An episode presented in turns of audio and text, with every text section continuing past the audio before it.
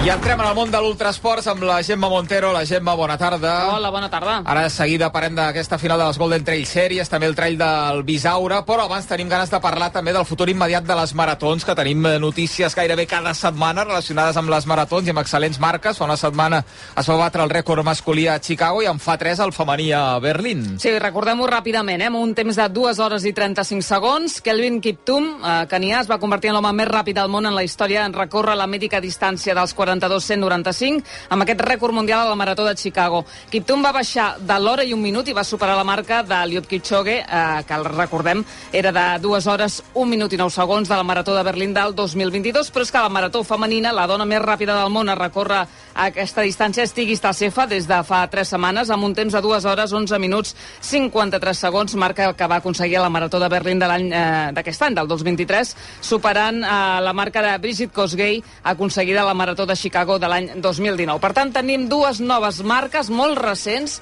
que implica moltes coses i volíem, doncs, eh, esbrinar una mica del el, el per què s'ha retallat eh, els temps, tant masculins com femenins, tan recentment, i amb aquesta guerra de marques també una mica d'anar i contra Adidas, i no ha passat això a la cursa de rac no ho hem vist. No, no ho hem vist, és, no. Són, és un altre, un altre nivell, és un altre nivell. Sí. Bé, saludem dos homes que d'això de les maratons en saben uh, un munt, un doble campió d'Espanya, de, olímpic a Pequín als 10.000 metres, el Carles Castillejo. Hola, Carles, bona tarda.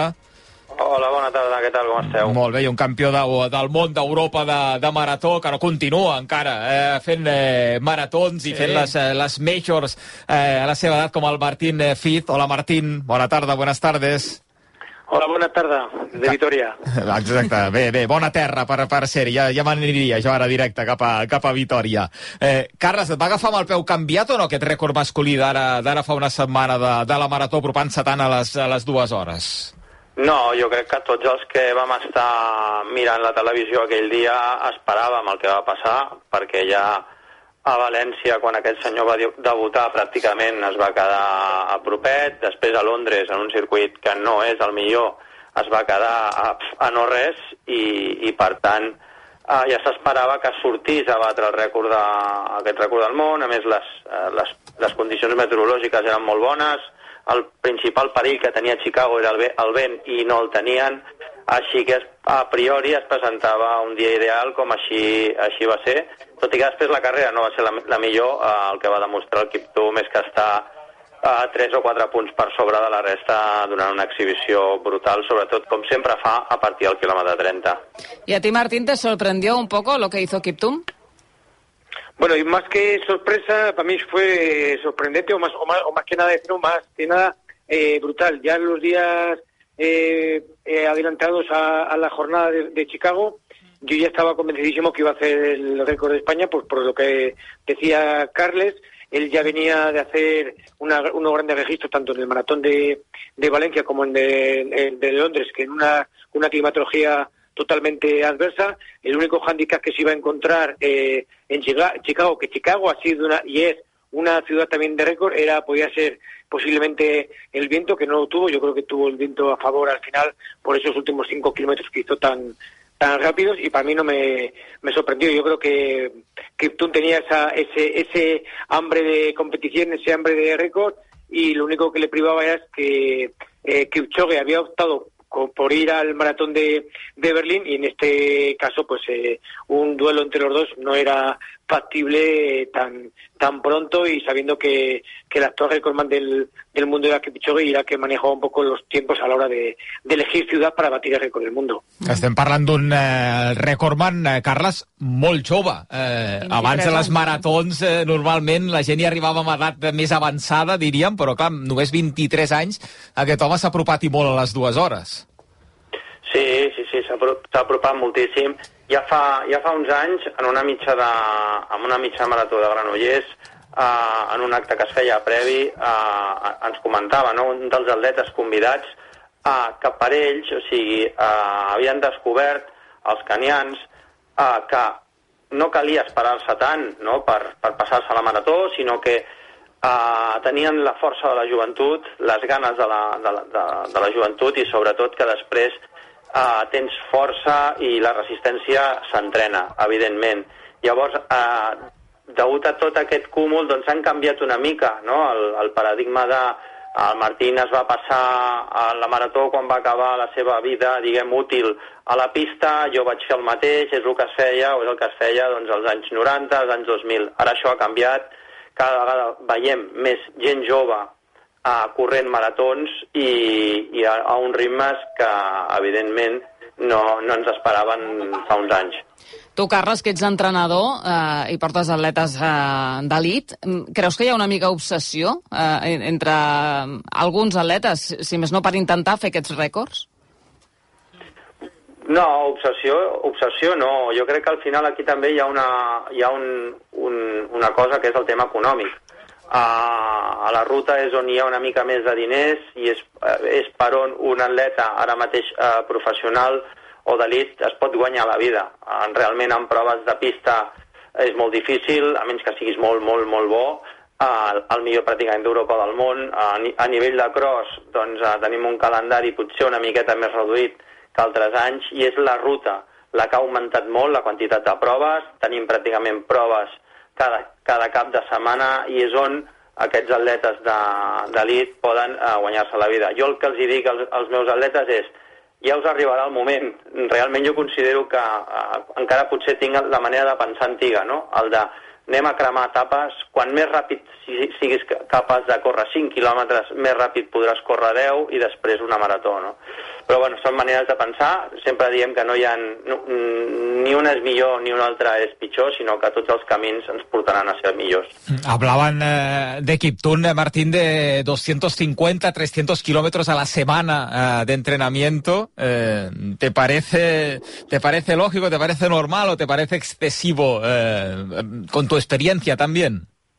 Bueno, mi experiencia es que cada cual eh, adapta el entrenamiento a, a, sus, a, sus, condiciones, a su talento, a su capacidad eh, de sufrimiento, pero sobre todo destacar lo que también decía Carles. Eh, ahora se ha especializado esta modalidad llamada eh, maratón. An anteriormente nosotros hacíamos el, el, recorrido que empezábamos haciendo eh, pruebas de campo a través, pasando por la pista y hasta llegar al maratón. Y ahora, pues la gente es mucho más joven, mucho más joven. Yo creo que, que todo ese, todo ese éxito, éxito eh, va en, dos aspectos. Uno, en el, evidentemente, que lo estamos viendo, hay que decirlo, que es en el, en el material deportivo, en este caso eh, las zapatillas, que son unas zapatillas que se puede correr mucho más rápido, que se puede mantener mucho más tiempo el, ritmo de, de competición, que son unas zapatillas mucho más eh, saludables, y otra cosa es la, la edad. La, la, alimentación y la hidratación, pues no hay tanto secreto. Sí que es cierto que ahora tanto la alimentación como la alimentación es mucho más personalizada y lo que se refiere a lo que tú me decías, al sistema de entrenamiento, pues yo creo que no hay, no hay mucho más inventado, ¿no? Quizás ese entrenamiento cruzado que hacemos los atletas europeos, eh, que suele ser eh, intentar eh, compaginar lo que es eh, deportes de, de, no impacto, la natación o el ciclismo, que yo no veo a un atleta africano no. eh, montado en una bicicleta o yendo a una, a una, a una piscina. Con lo cual yo creo que es, eh, todo va en el material y sobre todo en la, en la edad, que se pasan, eh, se han pasado a la prueba o se han especializado ya desde el principio se han especializado en lo que es la prueba de, de maratón y corren mucho más rápido. ¿Qué puede suceder? Y ahora me dirás, eh, eh, Carles Castillo eh, sigue haciendo eh, maratones más allá de los 40 años. Eh, Eli Kichogue sigue ganando carreras como el maratón de, de Berlín por debajo eh, en, dos horas y dos minutos con 38 años. Y Kitung, ¿cuál es el futuro que le, que le espera? pues que, que, tal vez con 28 años ya esté fuera del, del, par, del, panorama maratoniano, pues porque ya ha quemado todas sus naves, ha quemado toda su, su carrera deportiva entre los 23 y 28 años. Mm. Eso no quiere decir que no pueda bajar de las dos horas, pero eso sí que puede, se puede decir que con, con la cantidad de kilómetros que hace, con eh, las, las carreras que hace de maratón, todas por debajo de las dos horas y dos minutos, pues su carrera deportiva puede estar eh, mucho más cercana que a la, a, a, que a la que tiene Kichogue o que tiene Carles Castillo o que tiene Martín Fiz ahora, claro. siempre adaptado un poco a la edad de cada uno. Ahora te iba a decir, porque el tal Martín Fiz con 60 continúa también haciendo maratones y quizá Kiptun con 60 no lo veamos, ¿no? Viendo, haciendo alguna, no. alguna major, ¿no, Martín? Bueno, yo creo que no vamos a ver a Kiptum con 60 años ni con 45 años haciendo mayor, porque a la velocidad que corre, a la velocidad no solo a, la, a los kilómetros que hemos dicho antes que hacía de, 250 y 300 kilómetros, pero esos 250 kilómetros a la velocidad Claro. que, lo- que lo hace día, día tras día, mes tras, eh, tras mes, eh, una o dos maratones, date cuenta que compitió en el mes de abril en el maratón de Londres y meses más tarde se ha vuelto a correr en el maratón de Chicago a ritmo de récord del mundo. Bueno, que su musculatura, y su- sus articulaciones y sobre todo su cabeza eh, aguante ese ritmo, ese ritmo de competición, va a ser muy difícil que llegue a la edad de Carles Castillejo y a la edad de Martín Cid eh, compitiendo a, a, esos niveles. Mm. Parlava el Martín de material, eh, Carles, que aquí també tenim una altra guerra de marques, no?, entre, entre Nike i, eh, i Adidas. Eh, és un, és un element de controvèrsia entre els atletes, és a dir, fins on hem d'arribar en l'evolució del, del material, fins a quin punt eh, és excessiva l'ajuda de, del material per aconseguir rebaixar aquestes marques, o, o com ho veus tu? No, jo crec que ara uh, està tot normalitzat. Uh, ara ja qualsevol marca, uh, tot i que ho estem centrant en la guerra és entre Nike i Adidas, no? Mm. Uh, que ara han tret els dos doncs, uh, unes, uh, els últims models de les seves sabatilles, però ja totes les marques tenen sabatilles uh, d'aquesta tecnologia, uh, materials diferents, però que totes tenen un denominador comú, que és que, com deia el Martín fa un moment, et permeten entrenar molt més, et, perme- et permeten anar més ràpid, acumular més quilometratge amb menys fatiga, això fa que el teu nivell pugi i que, per tant, el dia de la competició puguis córrer aproximadament en una marató uns 3 minuts, depenent de com corris, posa entre 2 3 minuts, més ràpid que el que es corria just abans de començar aquesta, aquesta revolució de les, de les sabatilles. Evidentment ara ja és una cosa global, sí que fa potser uns anys, quan va començar amb Nike la, les, aquesta revolució, sí que es parlava, jo era un dels que deia que veia una, un, tanta millora, tanta millora eh, respecte a l'època anterior que no es podien comparar les marques fetes just abans, sense aquest tipus de sabatilla amb les, aquestes sabatilles. Martín, que, que té alguns anys més que jo, po pocs més, ens, ens podria dir ell com va viure la transició anys 80-90 amb les sabatilles que hi havia en aquell moment fins a arribar a les sabatilles aquestes de, de carbono. Martín? ¿Cómo viste esta evolución, Martín? Pues yo, yo siempre he sido a favor de la, de la, eh, de la, de la evolución y de las nuevas de las nuevas innovaciones. Eh, vimos cómo Asefa eh, corrió con Adidas y mejoró eh, el récord del mundo en, en más de dos minutos, una marca eh, va brutal de dos, de dos once minutos y hemos visto a Kelvin Kiptum con, con la marca eh, Nike ha mejorado. Sobre todo destacar lo que lo que está diciendo eh, de Carles, que estas nuevas eh, zapatillas, esta, esta nueva tecnología hace que sean unas zapatillas eh, mucho más saludables, que no llegues cansado al final, que los aletas eh, populares y todos los aletas eh, tengan acceso a, a este, a, este, a este calzado y que, y que vayan evolucionando las marcas. Eh, lo hemos dicho, eh, yo en mi, en, mi, en mi época de corredor usaba las, la tecnología, la mejo- las mejores zapatillas y ahora hay unas, hay, hay unas zapatillas que han evolucionado y, que están mejor. El único que se podría quejar, por, decir, por decirlo de alguna manera, sería eh, a Baby Bikila que corría, que corría descalzo. Si a Baby Bikila hubiera utilizado mi modelo de zapatilla o el modelo de zapatilla que utiliza ahora mismo Carles Castillejo eh, o, o Asefa, que prácticamente son casi los, los mismos, pues podríamos decir que, que, sí que tendría esa, esa mejoría. Yo creo que, que, es, que es bueno que se vaya evolucionando y que se vayan innovando eh, nuevas tecnologías para que el corredor eh, pueda correr mucho más rápido y pueda tener menos fatiga y a que al día siguiente de hacer un entrenamiento eh, eh, casi al límite pueda volver a correr al día siguiente eh, otra vez otra otra otra tanda de, de, de kilómetros en este caso. Eh, el que està clar és que eh, després d'aquests dos rècords eh, eh, tenim dos escenaris. Primer, eh, la possibilitat de veure Kiptum i Kipchoge als Jocs Olímpics de París.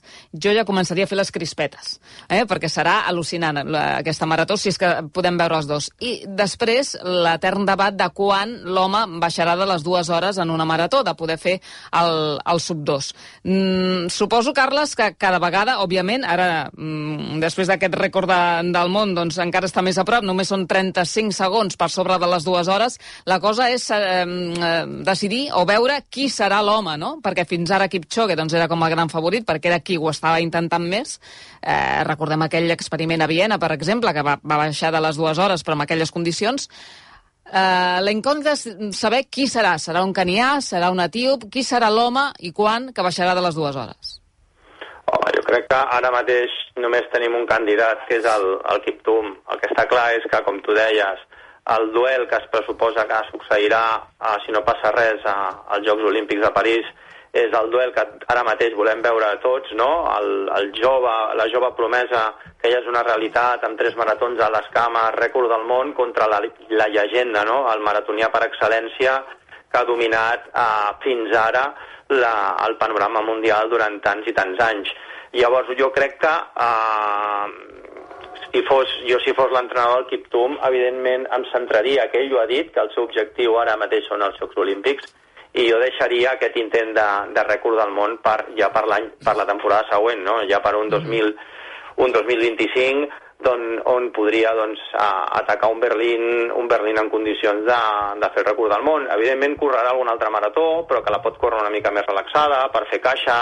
Ara mateix un senyor que corre en 2.01, per ell corre en 2.2, que és una barbaritat i una bajanada, per ell és córrer lent, enteneu-me. Llavors, sí, clar, sí, sí eh, pot, eh, pot, sense estar al 100%, doncs pot fer aquestes marques, guanyar diners i centrar-se realment en, en aquest objectiu de, de ser el primer home amb, una, amb condicions legals a baixar de les, de les dues horas. Hemos hablado mucho de, del récord masculino de Kiptun, pero claro, la animalada de Acefa en el récord femenino, bajando en más de dos minutos el, el récord anterior, eh, nos demuestra también que en, que en, esas piernas hay seguramente algo más incluso que, lo, que la animalada que consiguió, ¿no, Martín? Bueno, sí, efecti efectivamente, todos, eh, nadie, nadie daba un duro ese día, el día de Berlín, eh, por, por Asefa porque todas las miradas estaban puestas en, en la prueba masculina, en, en, en y bueno, y, y, de un pispas, de un golpe y porrazo, pues va una, una etíope llamada Asefa y te, y te marca un tiempo de 2.11.53, que muchos de los atletas eh, darían mucho por, por hacer este esta, esta marca. Asefa ya eh, venía a hacer eh, buenas marcas en, en otras en otras, en otras distancias, eh, había estado mucho tiempo lesionado durante su carrera deportiva y bueno, eh, ha pegado un, un, golpe de teatro, de un golpe de efecto en la prueba de maratón, porque todos pensamos que, que la, la, persona que se merecía la, la, marca era Hassan, que de hecho ha hecho una gran marca en el maratón de Chicago con 2.13 44, pero Asefa la marca de, de Asefa es brutal. Eh, ¿Dónde está el límite de las chicas? Pues también hay, hay, hay ciertos límites que puede eh, pensar en dos horas diez minutos, como por ejemplo en los chicos puedes estar ahora en 2.00, que como decía Carles, yo creo que después de, eh, hasta que no terminen estos Juegos Olímpicos de, de París, que se van a centrar eh, todos los atletas en hacer, en hacer eh, podium, pues no vamos a ver un, un tipo de 2.00 por debajo de 2.00. Y en las chicas, pues eh, yo creo que a partir de ahí se van a tener que poner bajar de 2.11 y luego 2.10, que son grandes marcas. Mm, pues vamos a ver uh, cuando, cuando se consigue también eso, con estos objetivos eh, varios que hay en el mundo de la marató. Jo crec que hem posat bastanta llum en el que passa en sí. aquest món de la marató, amb aquests dos rècords estratosfèrics que hem viscut en aquest últim mes, tant en categoria masculina com en categoria femenina, i apropant-nos en aquestes dues eh, hores claríssimament. Amb el Carles Castillejo i el Martín eh, Fiz. Carles, un plaer, moltíssimes gràcies. A vosaltres. Martín, el próximo reto, ¿cuál es? Bueno, pues mi próximo reto, ahora estoy tranquilo, he hecho tres carreras de lo que son las tres eh, Super Half y ahora me quedarían pues para, para el próximo año en la media maratón de Praga y la media maratón de, de Valencia. Ahí estoy, ahí estoy inmerso en estos proyectos que siempre hago y siempre con la mirada puestos a atletas como Carles Castillejo, que ha corrido en, que ha corrido en, en Berlín y que creo que ahora lo va a hacer en, en, en, Sevilla, que lo tengo lo tengo muy fichado ya también a, a Carles Castillejo. Sí, veo sí, su, ya veo. su recorrido y lo bien que se lo pasa y lo bien que va haciendo marcas. Ya veo, ya veo. ¿Tú cuántos kilómetros a la semana, Fermín? Ay, Fermín, Martín, perdona, que no sé en qué pensaba yo ahora. Bueno, yo hacía yo en su en su día hacía ciclos de tres semanas eh, que iban de 180, 200 hasta 220 kilómetros, pero ahora evidentemente todo está adaptado a la edad. Ahora mismo eh, las semanas que más kilómetros puedo hacer son 115 kilómetros eh, por semana, pero vamos, más o menos regularmente hago entre 80 y 90 kilómetros semanales. Pero está, los tienes en las piernas, ¿eh? Eso no se pierde. Bueno, lo tengo, lo tengo en la pierna, lo que pasa es que he tenido que adaptarme a lo que yo decía, eh, la vieja guardia, los antes, estábamos acostumbrados a correr y correr y correr. Y, hemos, y nos hemos dado cuenta que si no nos queremos eh, eh, lesionar, tenemos que hacer también ejercicios de fortalecimiento y fortalecer nuestro cuerpo. Martín, un placer, muchísimas gracias. Un placer. Martín Fiz, un eh, campió del món i d'Europa de, de marató a l'antena de l'Ultrasports per parlar d'aquests rècords que hem tingut en aquestes últimes setmanes en el món de la marató. Una setmana on hem vist imatges d'aquesta última idea que ha tingut en Kilian Jornet, d'allò que no ho proveu a casa, pujar a més de 177 cims de més de 3.000 metres als Pirineus en només 8 dies. Sí, eh, estem acostumats a parlar d'en Kilian i de veure'l per, per crestes de muntanyes nòrdiques, eh, pujar i baixar de l'Everest i tornar a pujar a l'Everest, però potser als Pirineus Pirineus, tot i que siguin els de casa nostra, no hem de menys tenir el que acaba de fer, perquè potser ell ho deia, a més a més, que era la, la, la borrada més gran que havia fet a la seva vida. Ha acumulat un total de 800, eh, 485 eh, quilòmetres, un desnivell de més de 43.000 metres i més de 155 hores d'activitat física. Va començar dilluns dia 2 d'octubre als peus del cim de Frondella, a Osca, i va arribar a encadenar més de 40 cims en una mateixa jornada, en un sol dia. A caminar, per exemple, 39 hores seguides, això això ho va fer el cinquè dia d'aquest repte, i a desplaçar-se, això també, en bicicleta per enllaçar alguns trams. Ha pujat a cims com ara, eh, no els podem dir tots, eh, però el Mont Perdut, el Pic de Possets, a Punta Lliterola, la Nétols, el Mont Calm o la Pica d'Estats, que de fet va ser el punt final eh, eh, d'aquest recorregut. En Kilian explicava eh, en arribar, en, en acabar, que havia patit, que havia estat una de les coses més dures que havia fet a la vida i que, de fet, no havia estat gaire planejat tot plegat. Pues uh, este verano no pude hacer las carreras que, que pensaba por, uh, por lesión y quería hacer algún proyecto y no había, había algunas ideas pero ninguna que, que realmente me convenciera y, me acuerdo de cuando era niño con mi madre, con mis padres íbamos a, a hacer, a hacer tres miles, ¿no? Como cualquier montañero a pirenaico y, y, y volvió la idea de decir, porque quizás se pueden enlazar todas sus, uh, sus temas principales y mandé un mensaje a un par de amigos guardas de refugio que pensaban de ello y, y nació la idea justo hace pocas semanas. Kilian Jornet explicant aquesta animalada, aquest nou repte, vaja, eh, aquests 177 cims de més de 3.000 metres pujats al Pirineu en només eh, 8 dies, que és que mires dia a dia i, i, i Clar, fa por, animalada. perquè gairebé acumula 17, 18, 19 hores eh, d'esforç gairebé cada dia, eh, un dia també empalmant 38 hores eh, consecutives, poques hores de son, eh, gairebé cada dia, sí, sí. per completar aquest repte un pèl improvisat, com ara sentíem també que explicava en Kilian eh, Jornet. Avui s'ha fet el trall del Bisaure, que també va moure les dates per preservar la reproducció de la perdiu blanca, Gemma. Sí, desena edició del puto trail del Bisaure. Hem de parlar amb propietats, Sí, sí. Eh, perquè és així com sol... No, no és, és que és així. Amb victòries per Víctor de l'Àguila, recordaràs que parlàvem amb ell a l'Ultra Pirineu després de, de la mitja i deia que ell volia fer curses del territori com ara aquesta. És, és una cursa molt, molt estimada, molt apreciada per... Ens va caure els- molt bé Víctor de l'Àguila. I tant, i tant, i tant. I mm, eh, molt apreciada pels bojos del rei de, de, de Catalunya i de fora de Catalunya. Victòria per, pel Víctor i per l'Anna Pujol i l'Arnau Montiel i la Clara Vallès que han guanyat la mitja i el Gabriel Crosas i la Laura Bardolet la curta. Hem de dir que um, hem vist eh, destrals, hem vist premis en metàl·lic, que tot s'ha de dir, i hem vist la bogeria, que és aquest trail amb... amb... Els avituallaments, eh, jo he vist alguna ampolla que no era ben bé d'aigua. Eh, Tot val. O sigui, les etiquetes, no diré què, però les etiquetes eh, no, bueno, no tenien cap dubte. Hem vist mossens, hem vist núvies, hem vist cabres, hem vist el que és el puto trail del Bisaure, amb, amb tota la festa. seva esplendor. Eh? Una festa. Hem de dir també una altra cosa. La cursa de bombers, atenció, que queden pocs dies, es disputa el dia 22. Avui ha obert més places. Eh, ja podeu córrer, perquè han obert 1.000 durs- dorsals més aquest matí. Per tant, no sé quants queden ara mateix, però si algú encara s'ho repensa, potser encara té eh, opcions. Avui també s'ha celebrat la Copa del Món de Triatló a la ciutat de Brasília.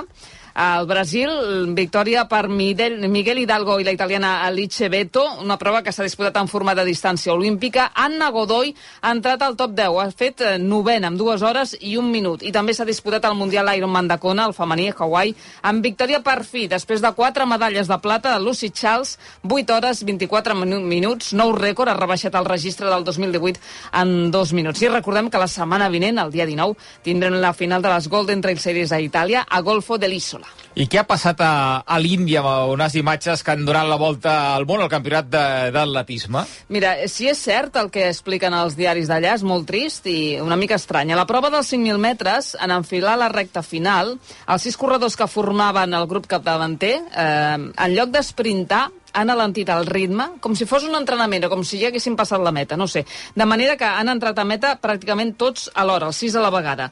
Segons els diaris locals, tots volien evitar el control antidopatge que, mm, per nassos, per reglament, de passar els primers quatre classificats. I mm, bé, últimament a l'atletisme de la Índia doncs, eh, han trobat molts positius i potser la solució que han trobat era mm, doncs, que ningú volia ser cap d'aquests quatre primers classificats.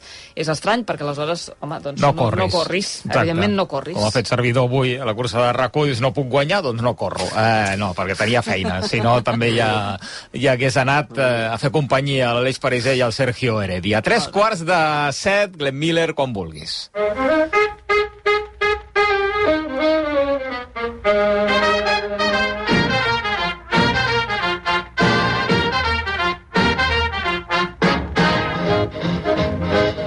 Hem d'escoltar el gran Miquel Pucurull abans d'arribar a la meta, que també vol reconèixer el mèrit dels dos últims rècords de marató i espera poder veure com s'arriba a baixar de les dues hores.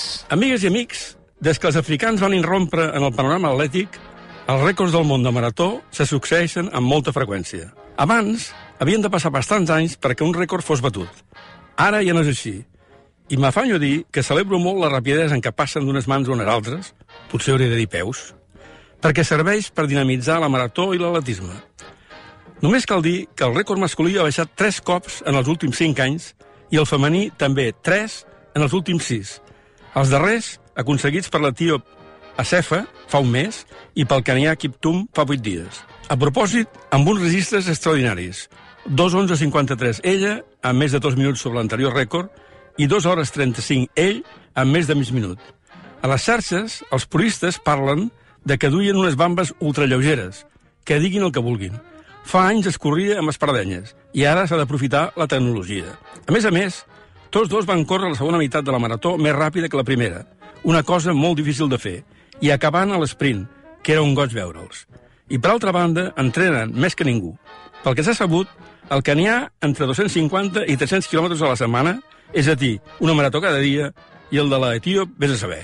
Tot plegat em fa pensar que el baixar de les famoses dues hores està a tocar, la qual fita servirà per contradir els entesos que diuen, deien, que l'ésser humà no podria fer-ho mai. Fins al cap de setmana que ve, correu o cornyeu molt. Doncs fent-li cas sempre al Miquel Pucurull, arribem al final de l'Ultra Esport. La setmana que ve més. Gemma, gràcies. Fins ara. Fins ara.